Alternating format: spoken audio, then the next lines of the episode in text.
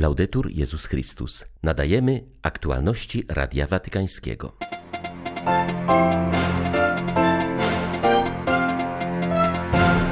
Dziś mija 70 lat od chwili, kiedy papież Franciszek odkrył swoje powołanie.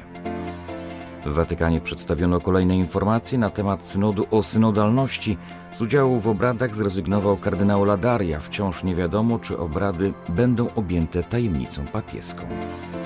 Ormianie są rozgoryczeni kolejną porażką w górskim Karabachu. Mówi się o 200 ofiarach śmiertelnych azerskiej ofensywy.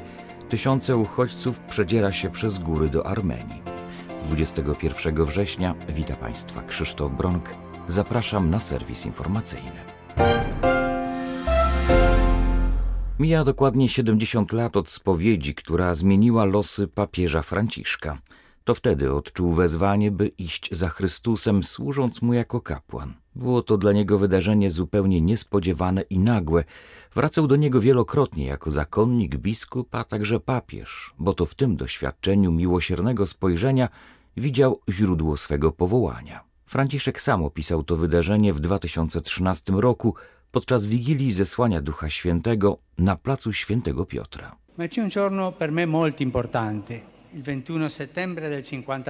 W moim życiu jest bardzo ważna data 21 września 1953 roku. Miałem wtedy prawie 17 lat. Świętowano Dzień Studenta, dla nas także Dzień Wiosny, dla Was Dzień Jesieni. Zanim poszedłem świętować, wstąpiłem do kościoła parafialnego. Zobaczyłem księdza, którego nie znałem i poczułem potrzebę wyspowiadania się. To było dla mnie doświadczenie spotkania. Spotkałem kogoś, kto na mnie czekał. Nie wiem, jak to się dokładnie wydarzyło. Nie wiem, dlaczego ten ksiądz, którego nie znałem, był tam i dlaczego odczułem to pragnienie wyspowiadania się. Prawdą jest jednak, że ktoś oczekiwał mnie od długiego czasu. Po spowiedzi odczułem, że coś się zmieniło. Nie byłem już tą samą osobą. Odczułem jakby głos, wezwanie. Byłem przekonany, że powinienem zostać księdzem. To doświadczenie wiary jest ważne. Mówimy, że powinniśmy szukać Boga, iść do Niego, by prosić o przebaczenie. Ale kiedy my idziemy, to On nas oczekuje. On jest pierwszy. W języku hiszpańskim mamy słowo, które dobrze to tłumaczy. Pan nas poprzedza, jest pierwszy i czeka na nas. To jest właśnie wielka łaska, znaleźć tego, który na ciebie czeka. Ty idziesz jako grzesznik, ale on cię oczekuje, aby ci wybaczyć. Tu vai peccatore, ma te sta aspettando per perdonarti. W Watykańskim Biurze Prasowym przedstawiono przebieg prac zbliżającego się synodu biskupów na temat synodalności i pełną listę uczestników – Zgromadzenie synodalne trwać będzie 26 dni i wezmą w nim udział 464 osoby. Prace odbywać się będą w pięciu grupach językowych, a dokument końcowy zostanie przygotowany tym razem nie tylko po włosku, ale również po angielsku. Prezentując zgromadzenie synodalne, podkreślono, że jest to czas kolegialnego rozeznawania oparty na modlitwie. Stąd zgromadzenia rozpocznie i zakończy msza święta z papieżem Franciszkiem, a każdy dzień obrad rozpoczynać będzie się od modlitwy.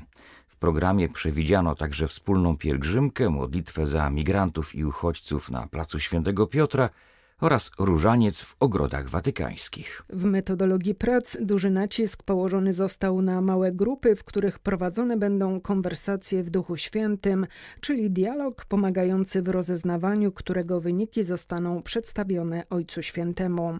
Zmiana metodologii i duża liczba uczestników sprawiły, że obrady odbędą się w auli Pawła VI. Praca przebiegać będzie przy okrągłych stołach, a każdy uczestnik będzie dysponował tabletem, który posłuży m.in. do rejestracji obecności, otrzymywania informacji, a także do głosowania. W zgromadzeniu synodalnym wezmą udział 464 osoby, z czego 365 to członkowie synodu z prawem głosu, mówi biskup Luis Marin de San Martin, podsekretarz synodu biskupów. I membri del sinodo Członków synodu jest 364 plus Ojciec Święty. Z tego 54 osoby to kobiety. Pozostałych uczestników synodu, nie mających prawa głosu, jest 85, z czego 27 osób to kobiety. Szczegółowo mowa jest o dziewięciu wysłannikach specjalnych, 12 delegatach braterskich, 61 ekspertach, jednym odpowiedzialnym za liturgię i dwóch asystentach duchowych. W synodzie uczestniczy 81 kobiet. Tak przedstawia się synod w liczbach, ale chciałbym zwrócić też uwagę na czas skupienia poprzedzający prace synodalne. 30 września odbędzie się ekumeniczne czuwanie modlitewne, a po nim trzy dni skupienia dla wszystkich uczestników synodu. Chciałbym też podkreślić znaczenie modlitwy podczas synodu. Kardynał Mario Grech wysłał specjalny list do wszystkich episkopatów świata, prosząc właśnie o modlitwę w intencji synodu. Jest to najlepszy sposób współuczestniczenia w tym wydarzeniu. Bez modlitwy nie ma synodu. W październikowym zgromadzeniu synodalnym weźmie udział dwóch biskupów z Chin kontynentalnych. O dyspensę z udziału w pracach synodu poprosił emerytowany prefekt dykasterii nauki wiary kardynał Luis Ladaria. Na konferencji poinformowano, że wciąż nie ma regulaminu prac synodalnych. Nie można więc jednoznacznie stwierdzić, czy uczestnicy zostaną objęci tajemnicą papieską, gdy chodzi o informowanie o tym wydarzeniu. Aktualny kontekst kulturowy kwestionuje naszą chrześcijańską, a także czysto ludzką tożsamość. Stąd istnieje dziś pilna potrzeba powrotu do tego, co daje nam chrześcijańska wizja człowieka, mężczyzny i kobiety, stworzonych na obraz i podobieństwo Boga. Wskazuje na to w rozmowie z Radiem Watykańskim kardynał Mark Welle, zapowiadając zwołanie w Watykanie kolejnej konferencji, tym razem o powołaniach i chrześcijańskiej antropologii. Nawiązuje ona do poprzedniej konferencji o teologii fundamentalnej kapłaństwa, która odbyła się w ubiegłym roku w auli Pawła VI. Była to, jak podkreśla kardynał Uelle, największa po soborze refleksja Kościoła o kapłaństwie. Wieloletni prefekt dykasterii do spraw biskupów przyznaje, że kolejna organizowana przez niego konferencja jest w swym zamyśle wydarzeniem równoległym w stosunku do synodu, pogłębiającym podejmowaną na nim tematykę. Jego zdaniem potrzeba dziś zrozumieć, jak antropologia chrześcijańska odpowiada na problemy współczesnego człowieka, odwołując się do tego, co mówi nam Słowo Boże. L'expérience commune que nous avons dans nos sociétés sécularisées. Powszechne doświadczenie, jakie mamy w naszych sekularyzowanych społeczeństwach, mówi wiele o samotności, indywidualizmie, nadmiernej konsumpcji, licznych uzależnieniach, samobójstwach i tym podobnych. Te zjawiska, które są dość powszechne, mają swoje konkretne przyczyny, przykład w upadku rodziny lub braku punktów odniesienia, w edukacji podporządkowanej ideologiom, w globalizacji obojętności i kryzysie kryzysie nadziei. Trzeba więc zrozumieć, co może wnieść do tej sytuacji antropologia chrześcijańska. Ona oferuje nam przede wszystkim wiarę w Chrystusa jako transcendentny fundament. Oferuje nam jasne punkty odniesienia dla ludzkiego powołania, daje motywację, pokazuje, dlaczego warto żyć, a nawet cierpieć w służbie miłości. Chrześcijańska wizja mężczyzny i kobiety promuje dar z siebie jako drogę do szczęścia i samorealizacji w służbie komunii z innymi Konferencja o antropologii i powołaniu człowieka odbędzie się 1 i 2 marca w auli synodalnej w Watykanie. Jak zaznacza kardynał Ele, będzie miała charakter przede wszystkim akademicki. Nie ulega wątpliwości, że rosyjski atak na Ukrainę zagroził całemu globalnemu porządkowi, który powstał po II wojnie światowej stwierdził na forum Rady Bezpieczeństwa ONZ arcybiskup Paul Gallagher. Watykański odpowiednik ministra spraw zagranicznych podkreślił, że połączenie światowych wysiłku w poszukiwaniu sprawiedliwego i trwałego pokoju dla Ukrainy stanowi ważny element globalnego pokoju. Wskazał, że w wyniku okrutnej i bezsensownej wojny najwyższą cenę płacą cywile. Wojna jest wielkim złem, a obecnie widzimy, że rozszerza się coraz bardziej poza granice Ukrainy, obejmując swoim gęstym cieniem nie tylko Europę, ale także inne kontynenty, mówił arcybiskup Gallagher na forum Rady Bezpieczeństwa ONZ. Podkreślił, że nie można pozwolić, by nasze serca zdominowała logika wojny. Zło nie jest w stanie generować dobra, agresja może jedynie jedynie generować nową agresję. Jeśli ta wojna nie zostanie powstrzymana, a pokój nie będzie poszukiwany na każdym kroku, cały świat może pogrążyć się w jeszcze głębszym kryzysie. Ormianie przegrali kolejną wojnę o Górski Karabach. Tym razem nie trwała ona nawet 24 godzin. W wyniku azerskiej agresji, którą Baku określiło mianem operacji antyterrorystycznej, miało zginąć 200 osób, w tym pięcioro dzieci, a ponad 400 zostało rannych. O wiele lepiej uzbrojone azerskie wojska wymusiły na Ormianach kapitulację i złożenie broni. Rosną obawy o los 120 tysięcy mieszkańców Górskiego Karabachu.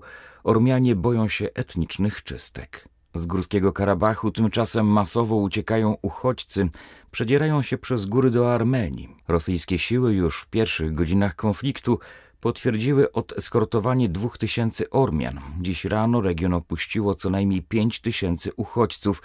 Najprawdopodobniej nigdy nie będą mogli powrócić do swych domów. W ten sposób spełnia się zamiar Azerbejdżanu, by stopniowo oczyścić Górski Karabach z ormiańskich chrześcijan. Zarówno w Armenii, jak i w innych krajach, gdzie żyje ormiańska diaspora, rozgoryczeni Ormianie wychodzą na ulice. Jedna z demonstracji miała miejsce w Marsylii, gdzie trwają spotkania śródziemnomorskie. Najgorętsza atmosfera jest jednak w Erywaniu. Ludzie są zawiedzeni, mówi Radiu Watykańskiemu Nello Scavo, wysłannik katolickiego dziennika Avenire. Rozczarowanie w tym momencie bierze górę nad innymi odczuciami. Ludzie, zwłaszcza w stolicy Armenii, wydają się naprawdę bardzo rozgoryczeni. Ich zdaniem zabrakło reakcji sił zbrojnych w obronie ormiańskiej mniejszości w górskim Karabachu. Starają się zrozumieć, jak wyjść z tej pasowej sytuacji, przede wszystkim gdy chodzi o dyplomację. Jest to zasadniczo postrzegane jako zwycięstwo Azerbejdżanu, ale także Erdogana. Z wielką nieufnością jest też traktowana Rosja Władimira Putina, ponieważ w Górskim Karabachu są liczące niemal 2000 żołnierzy rosyjskie siły pokojowe, które jednak przez ostatnie 9 miesięcy nie zdołały otworzyć korytarza laczyńskiego dla pomocy humanitarnej, transportu podstawowych produktów, lekarstw i benzyny do 120 tysięcy Ormian odizolowanych w Górskim Karabachu. W ostatnich tygodniach napięcie było bardzo silne, zwłaszcza po tym, jak rząd Armenii przekazał pomoc humanitarną dla Ukrainy, dystansując się tym samym od Moskwy. Ponadto w ostatnich dniach Armenia zapowiedziała, że powróci pod jurysdykcję Międzynarodowego Trybunału Karnego, który, jak wiemy, wydał nakaz aresztowania Władimira Putina. W reakcji na to minister spraw zagranicznych Ławrow potępił postawę Armenii i ostrzegł, że poniesie tego konsekwencje.